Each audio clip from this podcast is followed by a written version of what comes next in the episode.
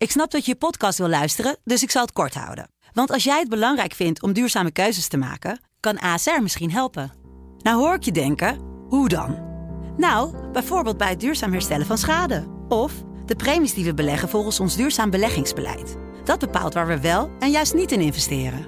Wil je meer weten over welke duurzame keuzes ASR maakt? Ga dan naar asr.nl slash duurzame keuzes. ASR doet het. Zo, dan kan je nu lekker naar je podcast luisteren.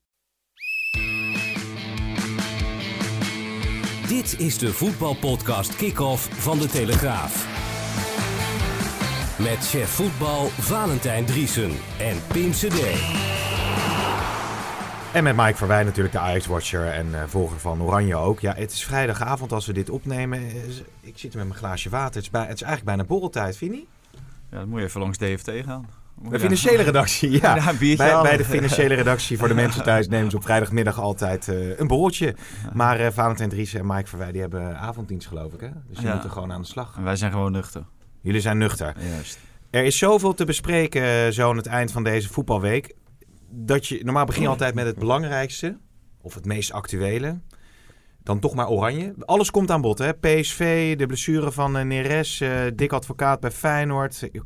AZ natuurlijk. Zullen we eerst even de selectie van het Nederlands elftal eh, erbij halen? Laten we dat maar doen. Valentijn. eh Ja. Stenks en Boadou. Ja, dat is toch... Nou, Ja. Stenks was te, te verwachten. Ja. Die zet je anders niet in de voorselectie. Eh, en Boadou is natuurlijk, omdat eh, Malen het toch niet heeft gehaald. eh, ja, en dan moet er een spits bij komen. Hij heeft ook Weghorst nog geselecteerd, bondscoach Ronald Koeman. Ja, waarom die er precies bij zit, eh, weet ik niet. Dat krijgen we aanstaande dinsdag te horen als eh, de, de groep bij elkaar komt en voor het eerst gaat trainen. ja. Maar Bo- eh, ja, ik begrijp wel dat die jongen recht heeft op een selectie. Als je hem de laatste weken ziet voetballen. En ja, hij scoort aan de lopende band. Hij vormt echt een, een tandem met Stenks. Ze weten blindelings van elkaar wat ze gaan doen. Hij beweegt goed, maakt makkelijk af. Ja, waarom zou hij er dan niet bij eh, mogen? Omdat hij jong is of omdat hij bij AZ voetbalt? Of, Ja. of eh, ja, wat, wat zou de reden zijn? Dus ik begrijp dat hij erbij zit. Eén kanttekening. Ik denk dat die- deze twee jongens van AZ er ook bij zitten, omdat Jong Oranje, hè, dat is op weg naar een eh, EK-kwalificatieplaats, die moeten zich kwalificeren, spelen tegen Gibraltar. Nou ja, Altijd lastig. altijd lastig, Ja. dus eh, dat is een ABC'tje. En eh, daarom denk ik ook dat, eh, dat Koeman eh, van der Looy eh, heeft gezegd van eh, die jongens gaan nu Ja. met mij mee. Ja. Het, het lijkt er ook verband mee te houden dat Memphis Depay eh Ja. Le- L'Equipe meldde dat hij geblesseerd was aan de hamstring. En ja, of hij alleen naar Zeist komt om zich te laten onderzoeken do- door de Hmm. doktoren. Of dat hij, dat hij misschien wel kan spelen, ik weet het niet.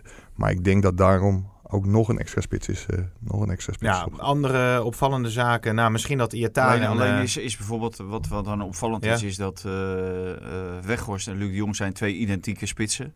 ja. Waarom heb je daar twee van nodig? Want ik neem niet aan dat eh, Luc de Jong en Weghorst allebei gaan, eh, gaan spelen. Nee. En zelfs één zal er niet gaan spelen tegen Noord-Ierland. Het zou wel heel raar zijn als je met eh, zo'n soort spits tegen Noord-Ierland gaat eh, spelen. Ja. Want ja, dat is wat die Noord-Ieren willen. Dus ja, die gaan dan waarschijnlijk dan alle twee op de bank eh, terechtkomen. Dus de kans dat Boadou in de basis staat is zelfs Nou aanwezig. ja, je houdt nog één andere over. Dat is Ryan Babel. En Koeman heeft eh, zich altijd wel heel loyaal eh, getoond ten opzichte van Babel. En ja, de ene keer levert hij wel en de andere keer levert hij wat minder. Maar het, het is wel iemand die al eerder in de spits heeft gestaan. En waar Koeman wel Ja. een bepaalde, bepaald van gecharmeerd is. Maar ja, ik zou het zo aandurven om Boadu in, eh, in de spits te zetten, ja. Ja? Ja, zeker. Tegen Astana. Het was een beetje vergelijkbaar met de wedstrijd tegen PSV, vond ik. Hey, hij scoorde. Hij had er ook weer vijf kunnen maken. En dat, dat is natuurlijk nog wel een probleem. Misschien moet Valentijn er een keer wat over zeggen. Want dat heb je toen geroepen over, eh, over Malen. En vervolgens ging hij Ja. aan, de, aan, de lopende Nou, band precies, ja. aan de lopende band scoren. ja. Maar ja, Het, het is wat Ru- Ruud Gullit altijd zegt. En eh, dat, dat stoort, eh, stoort hem, omdat hij heeft natuurlijk in Italië gevoetbald. Hij zegt, in Italië krijg je twee kansen. En, en daar moet er minimaal één, maar eigenlijk moeten er Hmm. twee in.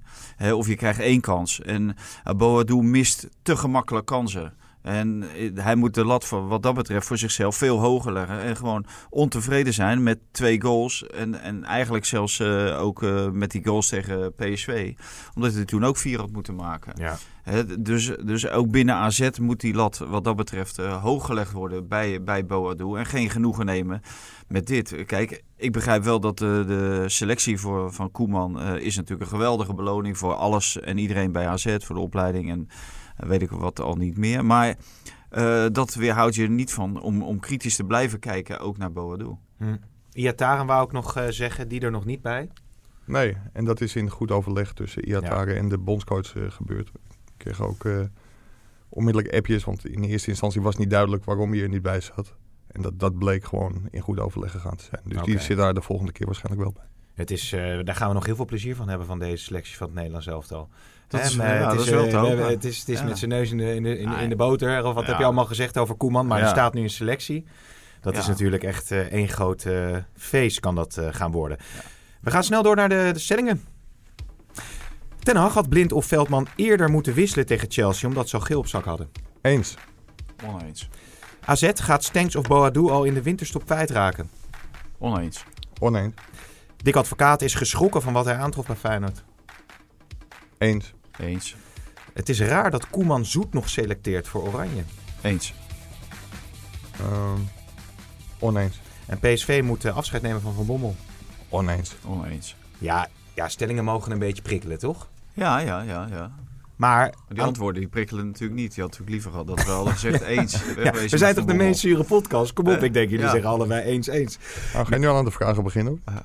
Welke vragen? Nou, over het zure podcast. Nee, nee, nee, nee, nee. Maar Van Bommel, daarover gesproken. Want jullie zeggen allebei vrij snel oneens. Maar als je die reeks ziet die PSV neerzet. Het is natuurlijk PSV onwaardig, zeggen Ja. ze dan.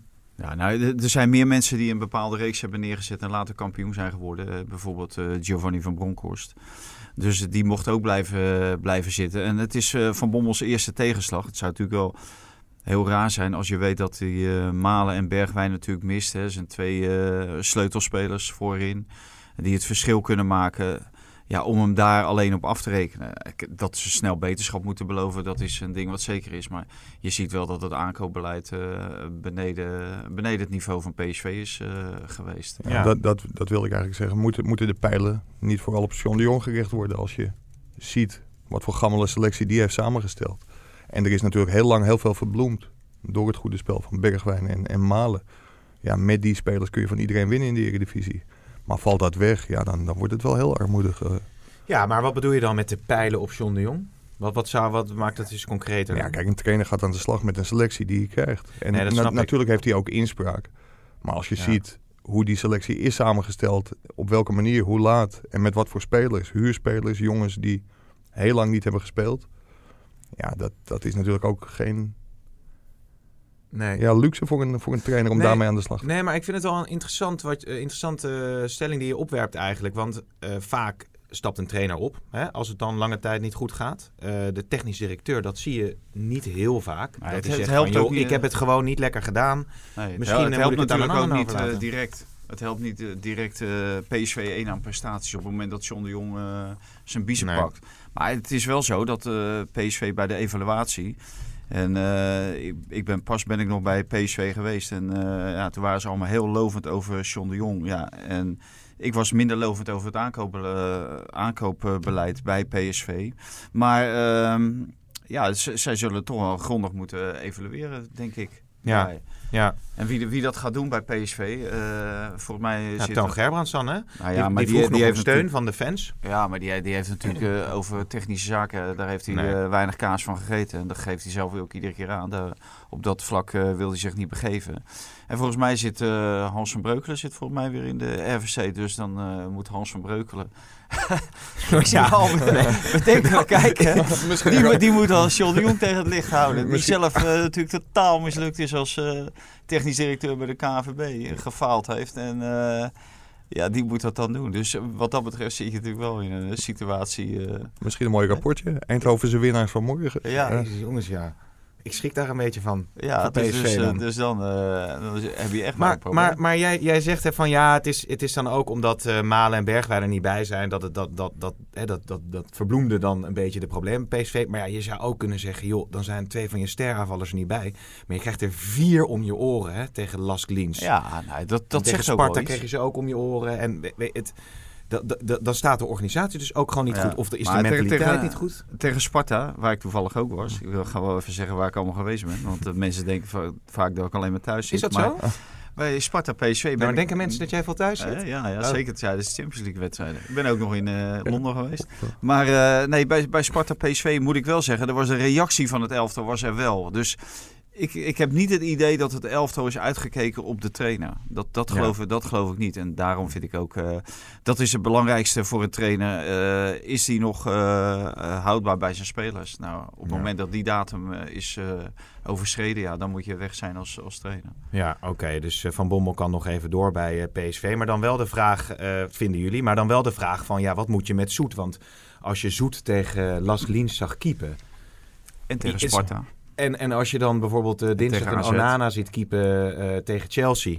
Ja, dan, dat, dat is, dat, Ja, dat is een... niet vergelijken. Nee, maar dat is, nou ja, goed. In die zin heb je een keeper die je elfte op de been houdt. En je hebt een keeper die Dat gewoon eh, ja, ervoor zorgt dat je misschien wel punten laat liggen. Ja, dat heeft enerzijds met heel veel zelfvertrouwen te maken, maar vooral met kwaliteit te maken. Hmm. Onana is gewoon in potentie, en la- dat laat hij nu ook zien, een veel betere keeper dan, eh, dan Jeroen Soet. Ja, wat, wat Soet op dit moment aan het doen is, dat kan volgens mij niet heel lang doorgaan. Eh, Nee. Nee, kijk, dat zou bijvoorbeeld een maatregel kunnen zijn die eh, Van Bommel neemt. Ja, hij is nu wel- weliswaar weer uitgenodigd bij het Nederlands elftal. En dan denk ik van, ja, Bizot eh, zit er niet bij. Vermeer en, en Zoet wel. Nou, die Ja. keeper allebei echt niet denderend. nee. Ook Kenneth Vermeer niet. Dus, dus dan denk ik van, eh, ja, Bizot, die zou ik er dan bij houden. Bij houden, want hij zat er wel bij. Alleen ja, Koeman die heeft natuurlijk een aantal keren met de- al deze keepers gewerkt.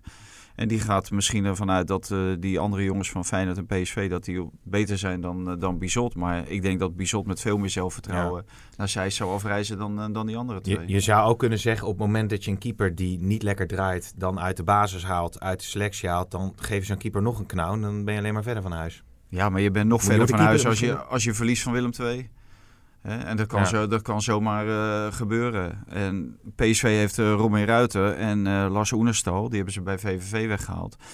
Ja, eh, kijk, dat is het moeilijke eh, voor ons. Is, wij kunnen niet echt beoordelen, omdat je nauwelijks trainingen eh, ziet, maar en ook kan zien. Want alles is tegenwoordig achter gesloten deuren. Dus je weet niet exact hoe zij functioneren op de training. Maar eh, dat bij PSV een probleem is, ook met de keeper, dat is wel duidelijk. En daar zou je toch als trainer ook een keertje moeten durven ingrijpen. Ja, Ja. Ik ben, ben laatst ook ergens geweest. Dat was bij, eh, bij Jong Ajax, Jong PSV. En daar stond Robin Ruiter op doel. Ja, die ben je natuurlijk een tijdje uit het oog verloren omdat hij Mhm. in Engeland is geweest. Maar die wedstrijd maakt hij echt een uitstekende indruk. Ja. Hij Ja. heeft dus ook een paar keer ingevallen, toen deed hij het ook prima. Ja. Dus eh, toen Zoet geblesseerd was. Maar ik zit dan naar dat PSV te kijken en dan heb je die Bruma die dan speelt. En eh Mitroglou viel niet eens in volgens mij tegen Nee, die Las viel Lins. tegen Eh, Die, die Gutierrez eh, die speelt zonder zelfvertrouwen. Swaap die scoorde een penalty, maar die was bij meerdere tegendoelpunten betrokken. Maar ja, ik- Eh, Dumfries Ja, we, we hebben het er in een eerdere podcast over gehad. Kijk, Swaap ging weg en die had heimwee. Die werd niet tegengehouden. Dus die lieten ze gaan. Werd uiteindelijk teruggehaald omdat ze geen betere konden vinden. Nick Viergever is daar de verdedigingsleider. Die lieten ze bij Ajax transfervrij vertrekken omdat ze omhoog wilden met het niveau. Ja, Bruma speelde niet bij zijn vorige club. En eh, Leipzig. Leipzig, liet, hem, liet hem zo naar Nederland vertrekken. Ja, als Ja. het echt een wereldspeler was geweest, laat je hem niet naar PSV gaan. ja. Dus het zijn allemaal spelers met een vlekje. Ja, en die leveren op dit moment niet. Dus conclusie, eh John de Jong heeft in ieder geval afgelopen zomer gefaald. Ja. Oké, nou dat is PSV dan. Door naar Ajax. Ja, ook, ook omdat je je... nog wat, wat nou, ook omdat je ziet, eh, je, moet, je moet mensen een bepaalde kans geven. En John de Jong die verdient dan een kans in de komende transferperiode. Maar je ziet op dit moment niet bij PSV eh, een, een, een bepaalde verbetering, zeg maar. Eh, en en dat, dat verwacht je wel. En, ja, en dan, dan kijk je naar aankopen. Verbeteren die het elftal? houden die het elftal toch op de been? Nou, is eigenlijk Doan is de enige die een beetje levert. Ook niet veel. En dat kan je misschien ook niet verwachten van hem, want die komt van SC Groningen. Maar de rest levert gewoon niet. Ja. Jullie waren allebei ook eh, afgelopen dinsdag eh, in Londen. Beetje bijgekomen eigenlijk. Van de deadline, ja. Oh, ja, je werkt hem zelf op. Vind je, vind je het eigenlijk Nee, hersenchirurgie om een deadline te schrijven, Ja, Valentijn? daar draaien wij ons hand niet meer voor om, eh, Nee, dat weet je. precies. Nee, dat is ook zo. Nou, het is allemaal gelukt. Het stond allemaal eh, mooi in de krant. Eh, en het was natuurlijk wel een, een, een, een waanzinnige wedstrijd in alle opzichten. Ehm, maar zijn jullie daar een beetje van bijgekomen? Ja, en ik moet zeggen, eh, ook op de tribune, en ik zat naast Mike en die dacht daar volgens mij precies hetzelfde over. Ja, dat, dat wij eh, niet alle pijlen op de scheidsrechter eh, hebben gericht. Eigenlijk al vanaf het begin. En eh, dat kregen we later mee, dat heel Nederland en heel Ajax alle pijlen op de scheidsrechter richten. Terwijl het, het ging eigenlijk om één moment. En zelfs als ik het moment nu nog zie, dan vraag ik me af, is het nou wel of geen overtreding op Daily Blind? Ja. Dat is voor mij niet crystal clear. En dus dus dat, dat heb ik eh, eh, niet zo begrepen. En als je voor de rest ziet, heeft Ajax geweldig gespeeld. Ja, eh, En ik vind dat je, dat je daar moet je in feite de nadruk op leggen. Ja. En zeker Ajax zijn. Ja, dus maar die, zijn die, die, die beslissing van die scheidsrechter die krijgt zoveel eh, impact. Omdat ja, het is gewoon een sneeuwbal die daar rolt. Ja. Omdat hij niet fluit voor die overtreding op blind, wel of niet. Ehm, krijgt blind zijn tweede gele. Pakt Veldman zijn tweede gele. Mhm. Zijn ze geschorst tegen Lille. Krijgen ze strafschop tegen. Ja, het, het is Ja. bizar. Hij had het zichzelf zoveel makkelijker kunnen maken door Ja. gewoon te zeggen: Ik vind het wel een overtreding, dan ben ik daar vanaf. maar de verontwaardiging eh, over de scheidsrechter is dus onterecht. Vind, ik, vind ik wel, ja. Ja, En ik vind de Dus het, dus het verontwaardiging... geklaag van de spelers in de emotie, denk ik, begrijpelijk. Ja, ik, ik, ik vind het ook begrijpelijk dat ze het doen. Alleen, ja, in, in deze hoeveelheid ja, is dat echt overdreven. Hmm. Ik vind wel, eh, bijvoorbeeld, eh, dat ze klagen over de VAR. Dat die niet ingrijpt bij eh, de hensbal van eh Joël Veldman. Dat, dat begrijp ik wel. Want dat- dat vond ik eigenlijk ook geen hensbal. Eigenlijk, hij probeert zich Ja. zelfs nog weg te draaien om die bal niet tegen zijn hand te krijgen. Want hij voelt er aan, oh, die en, en dan krijgt hij hem toch tegen zijn hand. Ja, en dan denk ik van, ja, dat, dat vind ik geen hens, hensbal. Nee, voor- vooral omdat, en dat had die VAR zeker moeten zien... die bal die wordt nog van richting veranderd via de punt van de schoen van eh Masraoui. Hij kon Dus, geen kant op. Ja, Veldman kon daar echt helemaal niks aan Wat doen. ik zelf ook, daar is eigenlijk helemaal niet zo over gegaan. hè, Maar bij die eh 2-4 van eh, Chelsea, of dat nou buitenspel was of niet. Ehm, wa- wat, ik, wat mij bijstaat bij Ajax-Chelsea in de thuiswedstrijd, dat je dat dan ziet. Hè, dan, dan, en dan, maar volgens mij doet de UEFA dat dus alleen maar om te bewijzen dat het wel degelijk buitenspel was. Ja. Dus als de UEFA twijfelt, of als ze, dan laat ze dus niks zien. Hoe zit, snap je wat ik bedoel? Ja, nee, Ja. met die lijnen, dat lijnenspel. Ja. Ik had eigenlijk een Ja. lijnenspel willen zien, want ik Nou, zat, dat, ik zat dat naar die 2-4 te verscheen later kijken. en wel ik denk bij ons, van, bij ja, ons in de krant. Maar dat hebben, we verscheen zelf, het wel. dat, dat hebben we dus zelf gedaan, bij wijze ja, van ja, spreken. ja. Maar Dus- moet, u, moet u even op dat moment ook niet dat lijnenspel tonen? Of, Ja, vind ik wel. Zeker, zeker omdat uh, belangrijke beslissingen uh, zijn. Dus dat, dan moet je hem tonen. Maar ja, je mag toch wel aannemen dat, uh, en, en dat is zo, want dat weten we zelf, dat lijnenspel is er wel in de, in de Kamer Ja. van de VAR. Dus die kunnen naar aanleiding van die lijn exact zien of het wel of niet. En in Engeland helemaal, want in Engeland hebben ze dat systeem. Dus, uh, en, en naar aanleiding daarvan is er besloten om die goal ja. wel goed te keuren. Maar je ziet dat dus niet meteen tijdens de wedstrijd als publiek. Terwijl als het dan wel buitenspel is, zie je het wel meteen. Ja. In de optiek van de even. Er komt een gevoel naar boven, denk ik. Ik ben een beetje filosofisch, spijt me. Maar in de, in de, in de Eredivisie heb je wel eens... Uh, dan speelt Ajax tegen Utrecht bijvoorbeeld. Of tegen een kleine club. En dan is er Ja, zo'n beslissing in de 85e minuut. Waarbij, waarbij die kleine club die voelt zich dan benadeeld. En die begint dan na de Ja. wedstrijd... Ja, dat doen ze eigenlijk alleen maar omdat Ajax gewoon... Twee keer geel van SV Groningen. Dat, dat is dan net zo'n gevoel. Ja. Is dat in de Champions League niet net zo bij Ajax ten opzichte van die grote clubs? Dat je dan toch denkt van ja... Hè, dat die scheids toch een beetje denkt van ja, we kunnen het ons eigenlijk niet veroorloven om, eh, om een Chelsea, om een Real Madrid. Nee, dat te gevoel, dat gevoel heb ik totaal niet. Nee? Want er Nee. was een moment bij Real Madrid-Ajax. Dat was de 0-3 van Tadic. Als ze daar echt hadden willen doen wat jij doet, eh, doet voorkomen alsof dat gebeurt... dan hadden ze die goal afgekeurd. Dan Was dat die bal over de lijn? wel of Ja. niet over de lijn. hadden ze gewoon gezegd van... nou, we hebben toch een standpunt, eh, camera-standpunt gevonden. Ja. Maar het blijkt dat hij er net over is. Maar je had ook afgekeurd. Ajax Real Madrid eh, met die goal van Tagliafico bijvoorbeeld. Hè? Die ook werd, eh, dat was vorig seizoen. Die werd toen afgefloten. Was de eerste VAR-beslissing volgens Ja. mij ooit.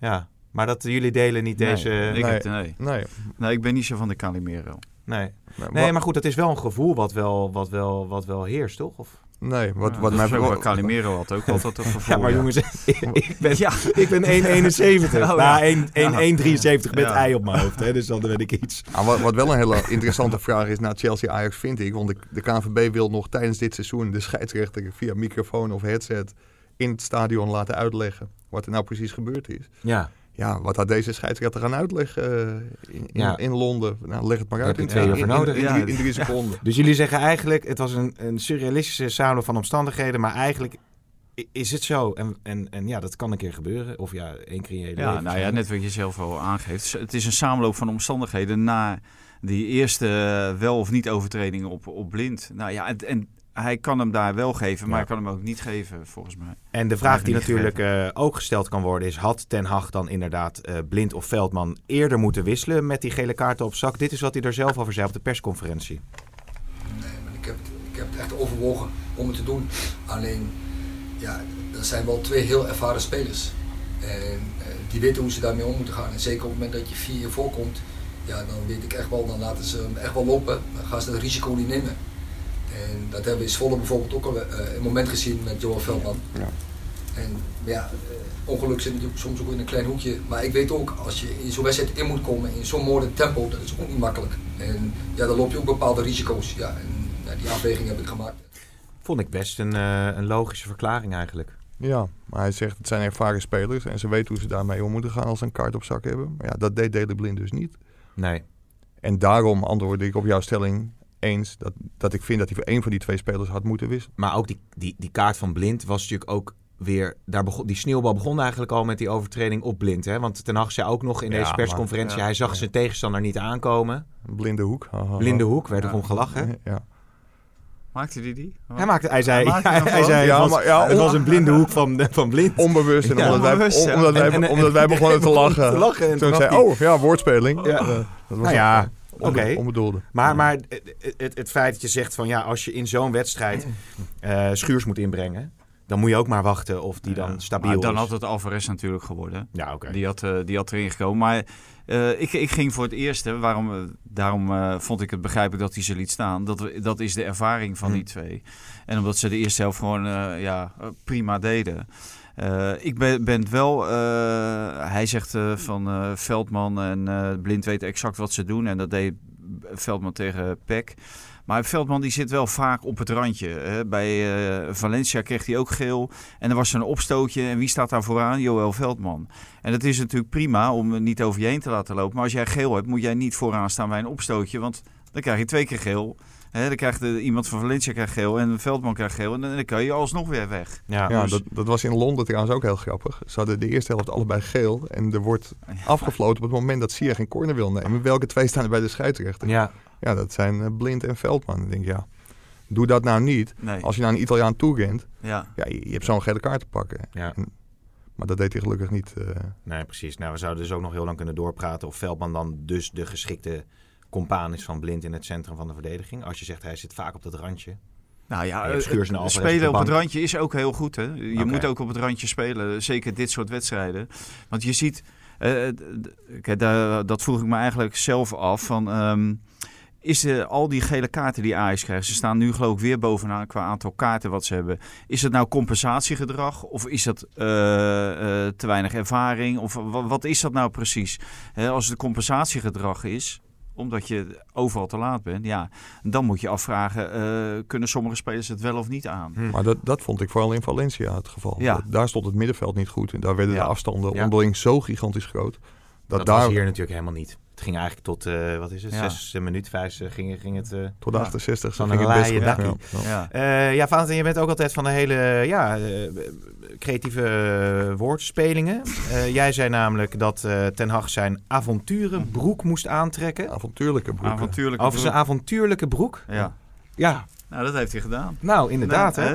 Ja, hij, de had, middenveld had het lef. hij had het lef van der Beek. Ja, om, om dat middenveld en die aanval neer te zetten. En ja, ik vond het geweldig om te zien eh, hoe dat, eh, hoe dat uitpakte. En dan krijg je daarna natuurlijk altijd weer dat gelul van, eh, omdat het 4-4 is geworden, hè, mede door die enorme samenloop van omstandigheden. Van ja, had hij niet kunnen wisselen en had hij niet meer verdedigend moeten spelen. En dan denk ik, ja, je kan wel meer verdedigend spelen, maar je bent op 4-1 gekomen door zo te spelen. Ja. En je had de wedstrijd gewoon volledig in handen. En Donny van der Beek maakte, maakte de 4-1 en het was eigenlijk wachten op de 5-1. Meer dan, eh, dan op de 4-2. Ja, Dus ja, ik, ik ben gewoon van eh, hè, wat Ajax zelf al zegt. Wij zijn Ajax. En, en, en wij willen graag het spel domineren en, en op onze manier spelen. ja. En dat begrijp ik wel. Aan de andere kant, daar moet je ook wel eerlijk in zijn. Van, bij de wedstrijd tegen Tottenham Hotspur, eh, daar deden ze het eigenlijk ook. Alleen liep iedereen daar uit de organisatie. En dat vond ik tegen Chelsea veel minder het Ja. geval. Maar hij had natuurlijk ook verdedigend kunnen wisselen op een andere manier. Hè, en zijn middenveld wel intact kunnen laten. Ja. Als je Tadic eraf haalt en Alvarez, want zij gingen met, met twee voorop spelen. Als je dan Alvarez tussen Blind en eh, Veldman inzet, ja, dan, dan ondervang je ook natuurlijk een hoop. En dan kun je twee snelle jongens voorin, eh, voorin houden. Ja. ja. Dus dat, dat middenveld had niet per se gesloopt hoeven worden in, eh, Nee, nee. door- Maar door de door zijn eh, Ik heb bijvoorbeeld ook wel graag een aanspeelpunt in de aanval. Nou, Ja. nou is het, Eh, het, het kwartje in ieder geval eh, gevallen. Hè? Of, of het ideale middenveld, wat dan altijd gezocht wordt, dat, dat is er nu. Ja, de- en, en ook in combinatie met Tadic in de punt en Promes en Neres op de flanken. Heb je het helemaal rond, raakt Neres geblesseerd. Ja. Meniscus. Ja. Tot, tot de winter, eh, winterstop eruit. Ja, klopt. Wat, wat wel heel erg opviel, en laat dat een les zijn voor alle andere clubs, want daar wordt altijd heel moeilijk gedaan met het, eh, met het oog op de privacywetgeving. Er wordt er niet gezegd welke speler, nou nog net wel welke speler geblesseerd is, maar niet welke blessure hij heeft en hoe lang het duurt. Ja, net op de persconferentie bij Ajax zei Erik ten Hag gewoon dat de meniscus Ja. blessure betrof en dat hij er tot de winterstop niet bij is. Dus ja, het, het kan dus kennelijk wel. Ja. Ja. Als ze Eigenlijk- spelen, als ze weer een spelers. complimentje aan Ten Hag, hè? Ja, zeker. Want zeker. hij is dus en open over de blessure en hij maakte een grapje. Dat was een hele Ja. goede vraag, eh, Pim. Ja. Ja, maar over die, die, als een speler daar toestemming voor geeft, dan kan een club het gewoon zeggen. Dan, dan, is, Ja. dan staat niets eh, en geen enkele prijs. zou Neres daar nou toestemming voor hebben gegeven? Nee, dan? natuurlijk niet. Nee. Maar bij Ajax hebben ze misschien al met z'n allen een formulier ondertekend waarin staat dat eh, dat naar buiten ja. wordt gebracht. En bij Ajax ligt het misschien ook wel weer iets anders omdat ze bij zijn beurs genoteerd. Hè, dus, de, dus de waarde van spelers is van Hm. belang, zeg maar, ook voor de beurswaarde. Op, op het moment dat jij een speler van 100 miljoen hebt die geblesseerd raakt, dan kan dat van invloed zijn op de beurswaarde. Ja. Maar je, je kan spelers gewoon vragen of zij toestemming geven en dan kunnen ze het gewoon doen. Maar het is weer van een moeilijke eh, schuilgedrag. Hè. Vooral Ja. PSV maakt zich daar schuldig Ja, aan. AZ ook hoor. Ja, we weten helemaal niet wat eh, Malen en eh, Bergwijn... Nee, bij Bergwijn viel het allemaal wel mee en zo. Nou, hij is, inmiddels is hij al twee tot drie weken is hij eruit. En eh, hij gaat ook niet terugkomen Nee. eh, bij het Nederlands Geeft ook onrust bij de fans misschien wel, hè? eigenlijk zou ik, ja, ik nou ja, kijk, dat, dat, dat maakt op zich eh, maakt dat natuurlijk weer niet zoveel uit. Maar Hmm. waarom daar niet gewoon transparant en duidelijk over zijn? Ja. Over eh, transparantie en duidelijkheid eh, gesproken. eh, Ten Hag blijft dit seizoen dus bij Ajax. En dan, Mike? Ja, als Ajax wil, dan kunnen ze hem zelfs nog jaren in Amsterdam houden. Ik heb begrepen dat er geen optie in zijn contract zit. Dus dat hij niet tussentijds weg mag. Niet naar Bayern, niet naar een andere club. Dus Overmars zou hem heel formeel aan zijn contract kunnen houden. Waarbij wel aangetekend dat die band tussen die twee zo goed is. Er moet Hmm. natuurlijk toen AS Roma kwam een afspraak gemaakt zijn. Als er een droomclub voorbij komt, Ja, dan werkt Overmars mee. er zit, er zit geen vertrekclausule in zijn contract. nee. Wie hebben zich eigenlijk, want je noemt nu AS Roma, zijn er meer clubs die zich concreet voor hem gemeld hebben? Ja, de, eigenlijk? de, de, de waren wat clubs. Daar, daar is niet heel veel duidelijkheid over. Maar er Oké. is vooral geïnformeerd. Maar ja, Ja. Ten Hag zet zich op deze manier natuurlijk wel enorm op de kaart. eh, met, met deze prestaties weer in de Ja. Champions League. Ja, er is geen vertrekclausule. Ik zat, zat er ook nog over na te denken. Hè? Van, van Ziyech kiest bewust ervoor om te blijven bij Ajax. Die zegt of, of de, de ideale club moet voorbij komen. Je zou natuurlijk ook kunnen zeggen... Ten Hag die kan zich misschien ook wel gewoon voor jaren committeren. Die is, die is met, met Overmars zoiets moois aan het bouwen. Snap je een beetje wat ik bedoel? De, de, de, de, bij de trainer wordt Ja, dan altijd gezegd... als de trein voorbij komt, ook met Koeman bijvoorbeeld. Hè? Maar, je- maar je weet eh, het verschil tussen trainers en spelers. Kijk, Ziyech zal altijd aanbeden worden in Amsterdam. En Ten Hag, als Ja. hij vol- volgend jaar drie keer verliest... dan eh, zit hij misschien in dezelfde penarie als Van Bommel nu. Dus dat is voor een trainer veel moeilijker dan voor een speler om, eh, om dat te doen, denk ik. Ja, zo is het ook. Ehm, eh, Dick Advocaat. Ja, Hè? die heeft een probleem. Heeft hij een probleem? Nou ja, bij Feyenoord, eh, het, zijn eerste doel was Europese overwintering. En ja, en dat is al heel ver weg. Hè. Dat was een van de speerpunten. Dat is na de 1-1 tegen Young Boys. Ja, is dat eh, bijna onmogelijk. Ja, om gaan ze niet redden natuurlijk. Normaal gesproken niet. Nee. Nee. Dus eh, ja, en ik denk dat eh Feyenoord in de tweede helft zijn ware gezicht heeft laten zien van voordat Dick Advocaat het overnam. Hè. Want het was net zo, net zo'n rommeltje als in de periode met Jaap Stam, vaak verdedigend hè, qua organisatie. Ja. En die IE, dat was ook ongelooflijk. Die in de uitwedstrijd maakte die ongelukkige hensbal. En in die thuiswedstrijd kreeg hij spontaan kramp. Nou ja, het hamstringblessure- inderdaad. Sorry, waardoor hij dus eh, zijn mannetje moest laten lopen. Ja, maar ja, weer, weer het teken dat eh, de spelers bij Feyenoord niet fit genoeg zijn. En dat is natuurlijk wel eh, ja, bi- bi- bijzonder eh, eh, knullig eigenlijk. Dat je in deze fase van het eh, seizoen, spelers die al vanaf het begin van het seizoen bij je rondlopen, dat je die nog niet fit hebt weten te krijgen. Ja. En nu, wel- nu kost het je gewoon eh, twee punten. ja, en misschien overwintering. Ja. En overwintering, ja. Ja, het zag Ja, er wel heel, nou, heel, geld. slim, heel uit hoor, als je die beelden zag. dat het, Ja. Ja, dat je gewoon de strijd moet staken in een actie, omdat, Ja. je, omdat het in je Ja. schiet. Ja. Wat is een reële doelstelling voor advocaat bij Feyenoord? is een vraag die eh, binnenkwam. Europees voetbal halen. Ja. Of via de beker of via de, de competitie. En dat is natuurlijk eh, best mogelijk. Ook met dit materiaal. Andere vraag, die is nog wat prikkelender. Hoe groot, eh, Mike, acht je de kans dat advocaat naar de kersttrainer van Feyenoord en PSV is? Nou ja, het, het, het is wel een heel grappige vraag. Vooral omdat wij het er ook over hebben gehad. Van stel je voor dat, dat Van Bommel het niet op de rit krijgt. Ja, Fanta zei net terecht van wie zou je daar dan neerzetten? Ja, dan kom je al heel snel bij advocaat. Maar die is, eh, Die is niet beschikbaar. die is niet beschikbaar. Nee, die zou Ja, daar ook prima Jaap het Stam seizoen is af kunnen beschikbaar. maken. Ja, die, eh, overigens Jaap Stam, het kriebelt hè, nog steeds. Want Jaap Stam heeft ook dat bij VTBL wel. geloof ik een reactie gegeven. En die heeft toen gezegd van nou, de, de club wilde wel met hem door. Eh, maar hij had een bepaalde visie. En het lukte niet om die visie over te brengen Ja. binnen de club. Nou, ik- dat vond ik best een, een goed geluid van, van Stam. Hè. Dat betekent ook dat je zelfkritisch bent, dat je in de spiegel hebt gekeken. En dat je ziet van, dat jij niet de ideale man bent. En dan, dan ga je weg en dan stap je op. En dan eis je ook niet eh, hè, dat de rest van je contract wordt uitbetaald. En dan zeg je gewoon, nou, even goede vrienden, ik ben niet de man voor de, voor de job. Ja. Eh, wat, wat ik bezwaarlijker vond, was eh, de uitlating van Jan Aaien van der Heijden. die suggereerde dat Stam de opstelling niet maakte. Nou, kijk, dat, dat kan ik me niet voorstellen. En Jan Aaien van der Heijden, die, die blonk ook uit in allerlei eh, eh, hoe noem je dat, complimenten voor Stam. Hè, zo dat hij niks tegen had. Maar, maar dit, is, dit is wel een, een lelijke van onder de gordel Ja. zeg maar, suggereren dat de, de trainer de opstelling niet maakte. Ja, wie moet daar de opstelling dan maken? Want er is helemaal niemand bij Feyenoord in, in die hele organisatie niet die verstand van voetbal heeft. Eén. En twee, eh, die de opstelling kunnen maken rond eh, het eerste elftal. Dus nee, dat, dat vond ik eh, niet netjes eh, van hem. En ik vond het ook begrijpelijk. En ik denk dat Stam daarom ook best een interview wilde geven. eh, in dit geval aan de VTBL. Om eh, duidelijk te maken dat hij degene is die de, de opstelling bepaalde. En Ja. niemand anders. Nee, En anders had hij natuurlijk ook niet weggegaan. niemand eh, met verstand van voetbal binnen de Ah, organisatie. we- weinig, weinig in ieder geval. Nou, in, Zo, in de leiding, hè. Mark Hoevermans, dat is een, een tennisser. Tennisser, ja. Ja, en dan, nou, Sjaak Troost, eh, dat er, nou ja, dat is een hele tijd geleden. En eh, de aankopen bewijzen dat Sjaak eh, het niet allemaal even goed heb gezien, heeft gezien Nee. als eh, interim technisch directeur. Dus ja. Ja. maar het, kan, het, het is natuurlijk niet zo dat uh, Sjaak Troost hebben bepaald wie de opstelling eh, of wie in de opstelling moest staan. Want dan had hij ongetwijfeld gezegd, die Senesi moet altijd spelen. ja. Onze record aankoop. Nee, dus precies. eh, nee, dat, ik denk dat dat, dat is echt bullshit. Even, even wel wat zo leuk is aan een podcast. Dan gooien we er even gewoon een gekke vraag van een eh, luisteraar eh, tussendoor. Eh, waar, waar hou je meer van bij kipnugget, zoetzure saus of barbecue saus? Ik kom niet meer bij McDonald's, Pim. Ik ben aan het sporten. Oh, maar wat vind je lekkerder dan? Dan is het wel de zoetzuur.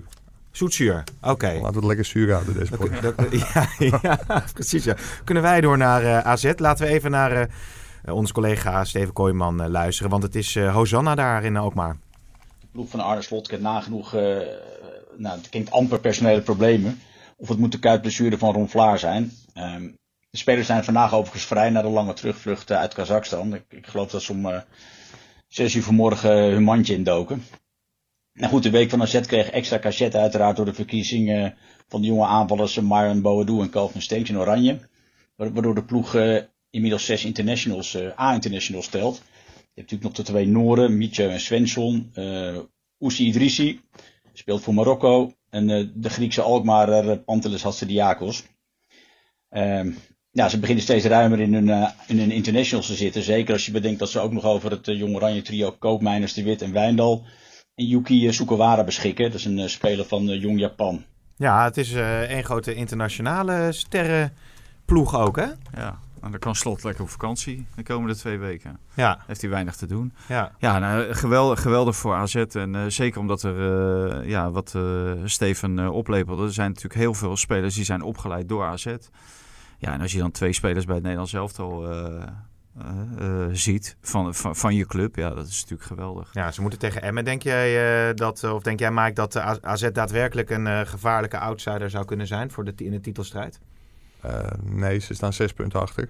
Ja, Dus ik, ik ze denk moeten nog tegen Ajax twee keer. twee hè? keer. Ja, dat kan. Ik denk dat Ajax uiteindelijk te sterk is. Maar het is wel, denk ik nu, de enige overgebleven uitdaging. En als je de wedstrijd ook zag in Astana, dat was echt een genot om te zien. Ja. Je, je ging om vijf uur zitten, kwart voor vijf. Ja, het was een mooie warming-up voor de andere twee wedstrijden waar je je echt op verheugde. Maar na de AZ-wedstrijd werd het wel een stuk minder. Nou, inderdaad, ja. De coëfficiënte Polonaise kon dit keer niet eh, Nee. worden gelopen. Maar de tegenstanders ik nog ook- steeds best goed Ja. hebben gedaan. Tegenstanders waren ook wel iets beter dan eh, dat stelletje uit eh, Ja, maar is er nog een gevaar Ja, voor AZ? Want spelen jullie tegen Emmen thuis. Ehm, ze hebben natuurlijk van Heerenveen thuis toen eh, verloren met eh, 4-2 uit mijn hoofd. Ja. Eh, de, wat, wat is het grootste gevaar? Ja, ik, ik, zou het inderdaad kunnen zijn dat er zo hard aan Stengs en Bodo wordt getrokken dat ze misschien al eerder vertrekken dan het eind van Nee, seizoen? dat geloof, dat geloof ik niet. AZ heeft ook bij Vincent Janssen bewezen dat het geen makkelijk verkopende partij is. Dus dat echt de absolute hoofdprijs betaald zal moeten worden. En in de winterstop zal dat nog veel, het bedrag nog veel hoger zijn dan, eh, dan aan het einde van het seizoen.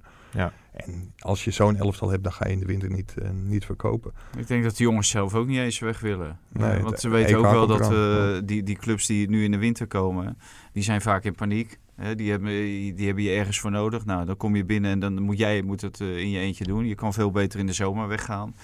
En als die clubs je dolgraag willen hebben in de winter, dan eh, zullen ze in de zomer wel weer terugkomen Ja, als je ja. inderdaad zo goed bent. Bovendien is bewezen dat dit de weg naar het Nederlands elftal is geweest. Ja, Ja. Het EK komt eraan.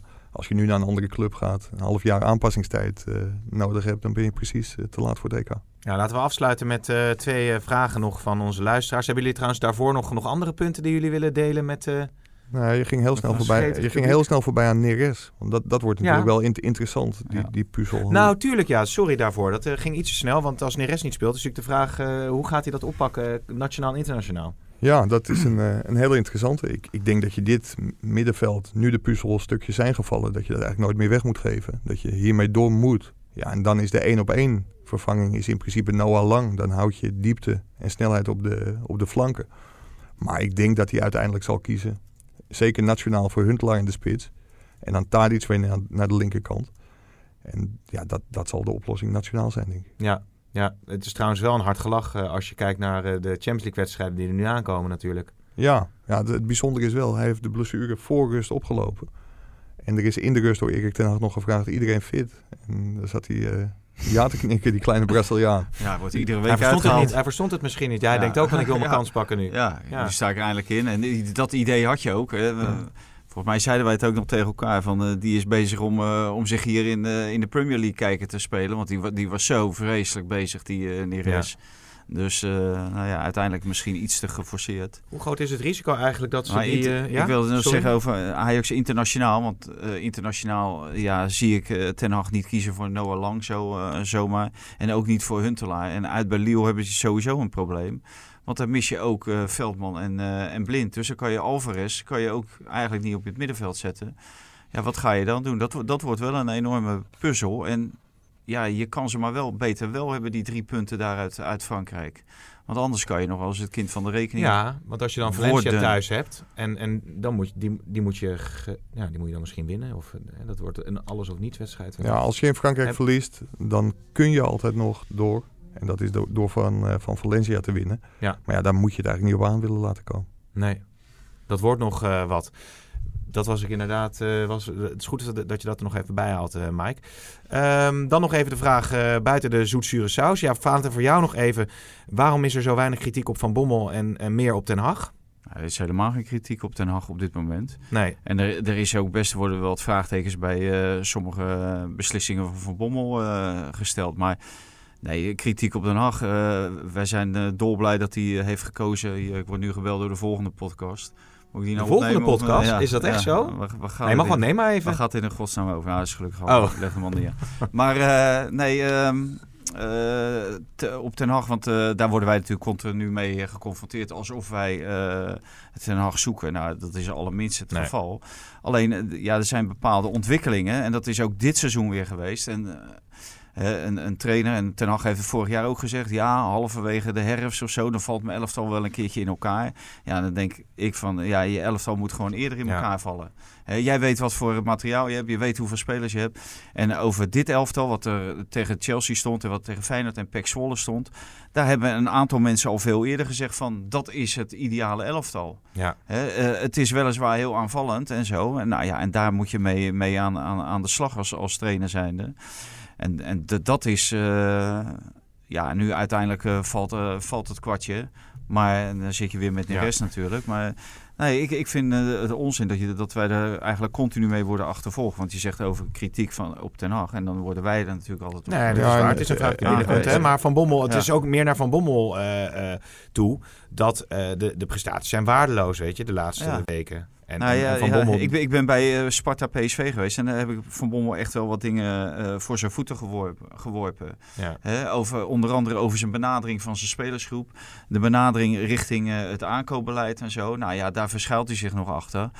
En, en eh, dat, dat is een goed recht. Maar ja, uiteindelijk zal hij het moeten doen. Zal hij prestatie moeten leveren. Te beginnen bij Willem II. En lukt dat niet tegen Willem II, dan heeft hij natuurlijk een serieus probleem. En dan, Ja. dan zal de kritiek ook op hem eh, verder losbarsten. Al blijft het geval eh, op het moment dat Ajax, Ziyech en Tadic mist... Ja, dan lever je wel een hoop in. Maar het is wel zo dat PSV veel te veel inlevert. Ja. Ondanks eh, dat die twee er niet bij zijn. Ja, nog, nog Ja, even- jouw telefoon gaat, eh, het zal Veronica aan site misschien wel zijn, of Ja, niet? wel 035?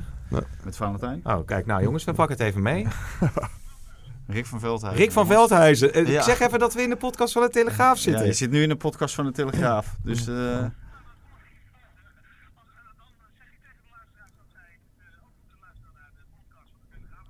Oh, nou kijk, er wordt hier gewoon gratis Ja. reclame gemaakt eh, voor ons. En hoe heet, hoe heet die podcast?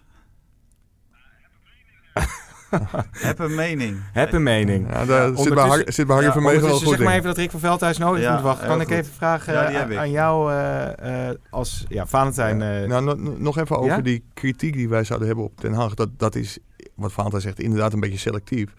Wat mensen niet zien. Vorig, se- vorig seizoen was er ja, wel degelijk kritiek aan het begin van het seizoen. En toen is de bekende ommezwaai in het gesprek van Tadic met Ten Hag geweest in München.